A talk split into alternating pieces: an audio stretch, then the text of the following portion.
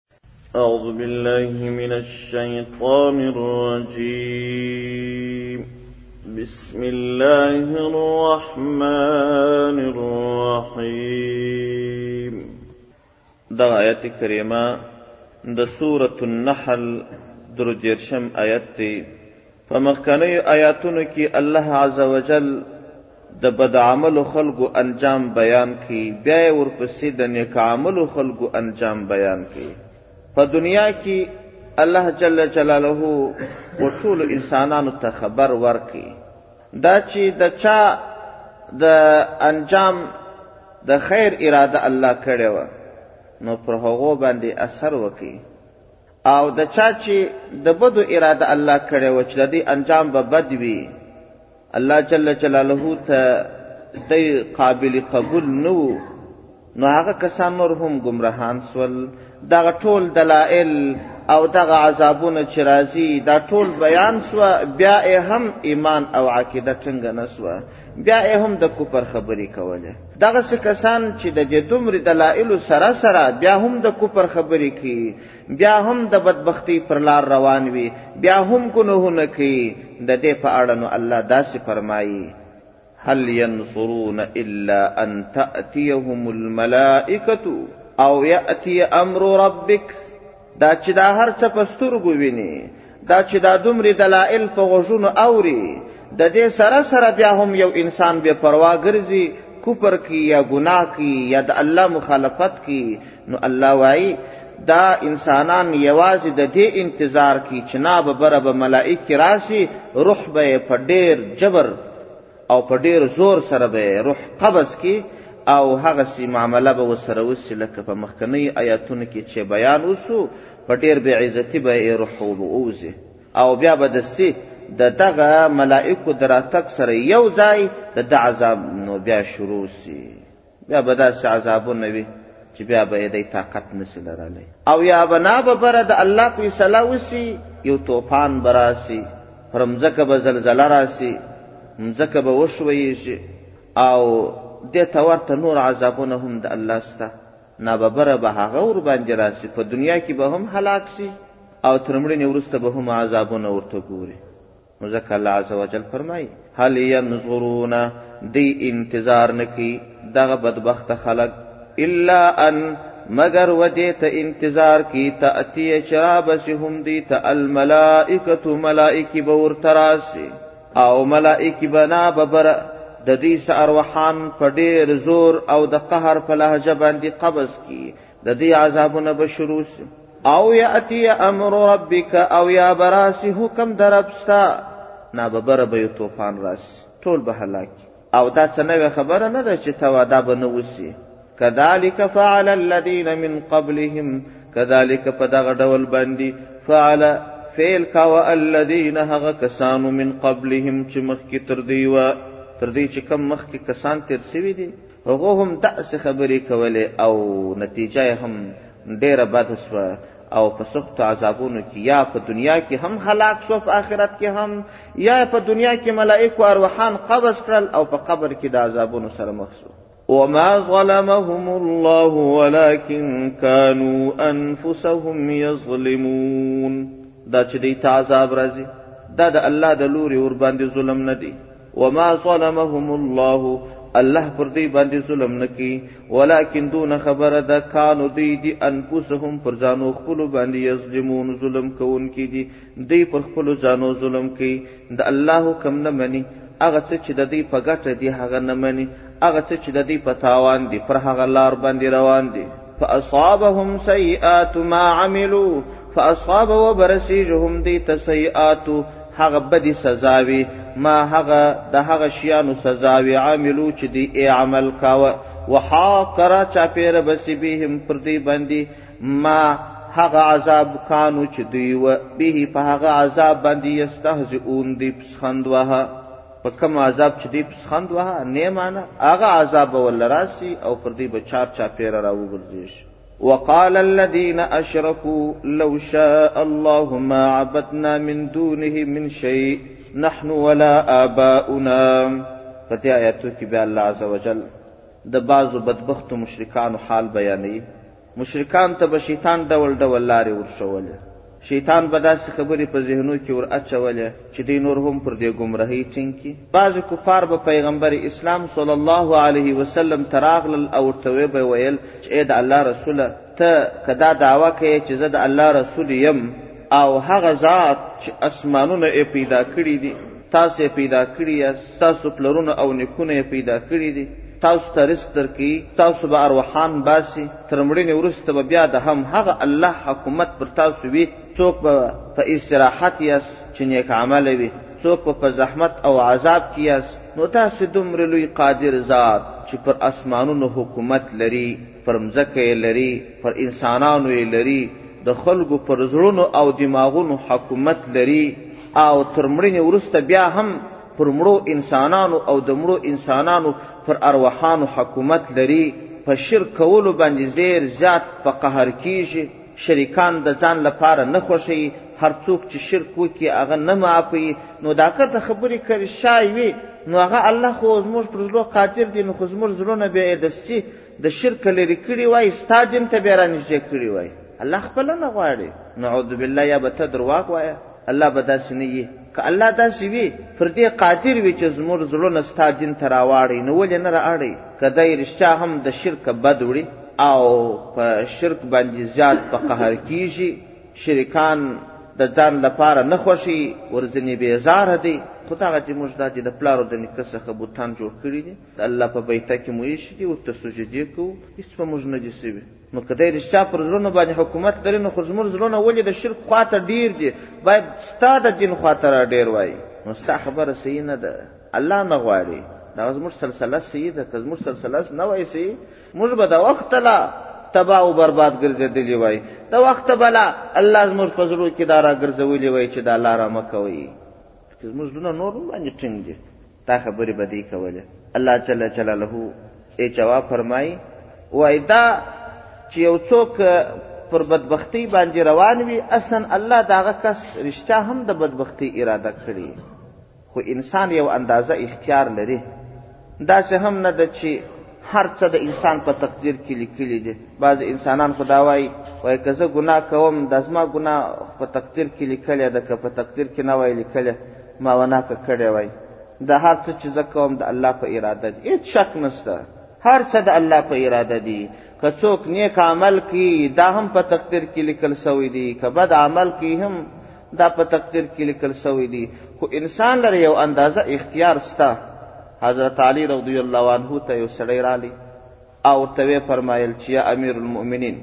وم که زه بد عمل کوم که نیک عمل کوم دا خو په تقدیر کې لیکل سوي دي پر دې نو بیا ما ته ولې سزا الله راکوي زه کله اختیار لرم دا هر څه عمل چې دی دا پر ما تپل سوی دی زه بیا حتما کوم چاره نه جون لرم علی رضی الله عنه په جواب کې ورته چې نه یو اندازه اختیار تا ته سته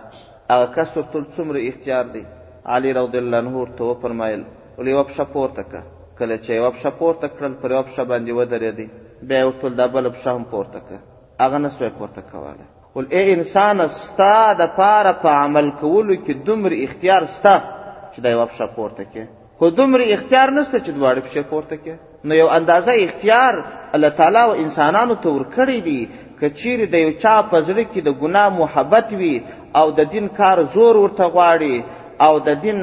اعمال صالحه او یا دینی احکام پر ځای کول دا په زړه کې کرکې ځینې د ګناه او خواته میل ډیر وي دغه کس دی الله ته وژاړي اوښکې دې توی کړي چې الله زما خو د دین سره محبت کې خدا د دین کارونه څومره ګران ګران راته معلومیږي او دا د ګناو خاطر مې څومره ډیر زیات میل دی الله ته دې دعاوې وکړي چې د زړه راواړی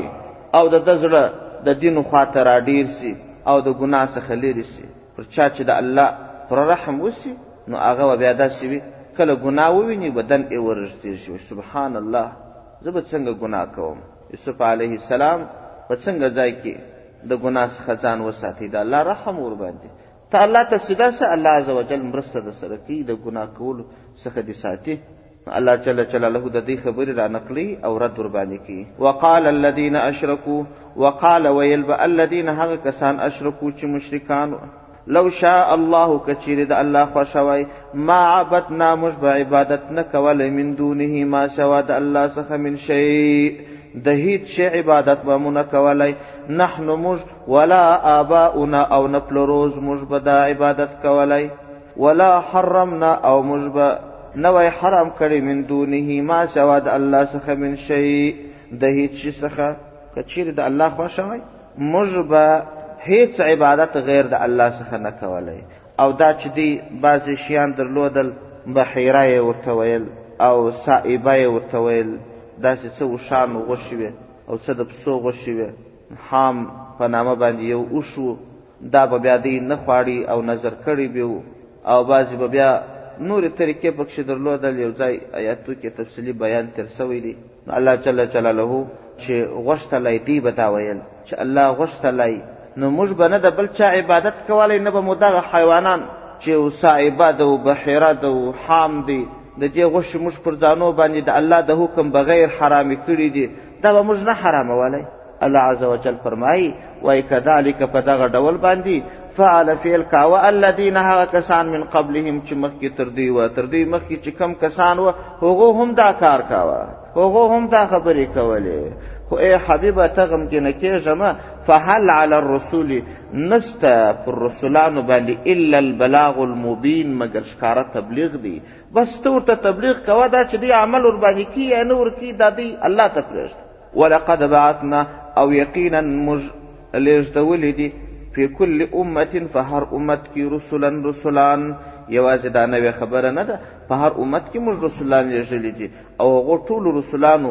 داسې تبلیغ خلکو ته کړی دی ان اعبد الله انداس اعبد الله چې عبادت ته الله وکي واجتنب الطاغوت د شیطان ځان وساتي هر پیغمبر چې خپل قوم ته تللی دي او دا یې ورته ویلي دي چې ای زما امته د الله عبادت وکړي د شیطان د منګولو ځان خلاص کړي د شیطان د بندګۍ ځان خلاص کړي څه چې شیطان درته وایي هغه مه مني هغه مه عملې کوي څه چې الله درته وایي هغه څه وکړي نو خلکو به څنګه وکړل فمنهم بعضې د دوی څخه من هغه څوک په هد الله چې الله به ورته هدایت وکړي سمې لارې ته به رالی ومنهم بعضې د دوی څخه به من هغه څوک حقت چې ثابته به سوه علیه پر دوی باندې او دلالت کلمه د دلالت دلالت به ورباندې ثابت سو په زړه کې به د کفر محبت کښېناستی او پر هغه کفر به پاتې سو دا نو ډېرې خبرې دي او ډېرې پېښې دي، خو الله جل جلاله تاسو ته هدایت کوي او فرمایي، فسیرو فی الارض فانظرو کیف کان عاقبة المکذبین، وایه ای انسانانو! دا څه پټه خبره نه ده، ټولو قومونو ته چې انبیا راغلي دي او نېک عمله خلک اخلاص شوي دي، بد عملو خلکو باندې عذاب راغلی دی، فسیرو، پس تاسو وګرځئ، فی الارض، په مځکه کې، فانظرو، وګورئ، کیف کان، څنګه سوی دی عاقبت المکذبین انجام د دروغجنانو کوونکو هغه کسان چې به پیغمبر ته نسبت د درواغو کاوه پیغمبر به یې دروغجن باله او پیغمبر به یې دروغجن کاوه چې ته درواغ وایه دې ته مکذبین وایي الله فرمایي وای تاسو په مځکه کې وګورئ هغه آثار او علائم ولټوي چې پخواني امتونه پکښې هلاک سوي دي هغه سیمې وګورئ چې څنګه قومونه هلاک سوي دي او څنګه تباه سوي دي بیا به تاسو ته معلومات وسي چې یقینا الله عز وجل ګمرهان په هره زمانه کې هلاکي او نیک عمل خلق خلاصوي فسیرو فس تاسو وګرځئ فی الارض په مځکه کې فانظرو فس تاسو وګورئ کیف څنګه کان سوی دی عاقبت المکذبین عاقبت ته هغه کسانو چې پیغمبران ته به دروغجنان ویل پیغمبر علی السلام د الله په هدایت باندې ګام پر ګام عمل کاوه خو طبعا ای پزړه کې دا حرص ډیر و چې کون دی خدای یو انسان د دوزخ وساتل سی او د جنت خواته راسي مهربانه پیغمبر و، زړسوانده پیغمبر و، پر انسانانو یې جهنم نه و پېرزو، نو ځکه یې حرص ډېر دا کاوه، په دې کې زیات حريص و چې خلک د اسلام طرف ته راشي، پر دغه اسلام کولو باندې یې حرص کاوه او کوشش یې دا کاوه چې یو رقم نه یو رقم کافر د کفر خلاص شي او د اسلام طرف ته راشي. الله عز وجل فرمایي ان تحرس کچیر ته حرس وکې علی هداهم پر هدایت باندې د دی فإن فسبشک الله الله جل جلاله لا يهدي هدایت نکي من هغه څوک ته یو دل چې گمراه کړل سوی وي الله چې څوک گمراه کړي هغه ته به الله هدایت نکي څوک چې گمراه سوی الله عزوجل هغه ته هدایت نکي وما لهم من ناصرين او نه به وي دوی لره څه ناصر و مددګاره به نه وي چې دوی به خلاص واقسموا بالله جهد ايمانهم لا يبعث الله من يموت بلا وعدا عليه حقا الله عز وجل د آیت کریمه د یو مؤمن مسلمان په اړه باندې نازل کړی دی یو صحابي چې د یو کافر سره د قرض په معامله کې څه دعوه راغلی وه او هغه کافر بیا پر دې باندې ډېر زیات قسمونه ورته اخیستي وه چی دغه د مرګ وروسته بیا ژوندون نشته او الله موږ بیا بیرته نشي راپورته کولی پر دې خبره یې زیات قسمونه یاد کړي وه الله عز وجل د هغه کافر رد کوي او په عموم کې یو عام پیغام ټولو بدبختو او نیکبختو خلکو ته ورکوي واقسمو دی قسمونه کی بالله پر الله باندې جهد ایمانهم زیات قوی قسمونه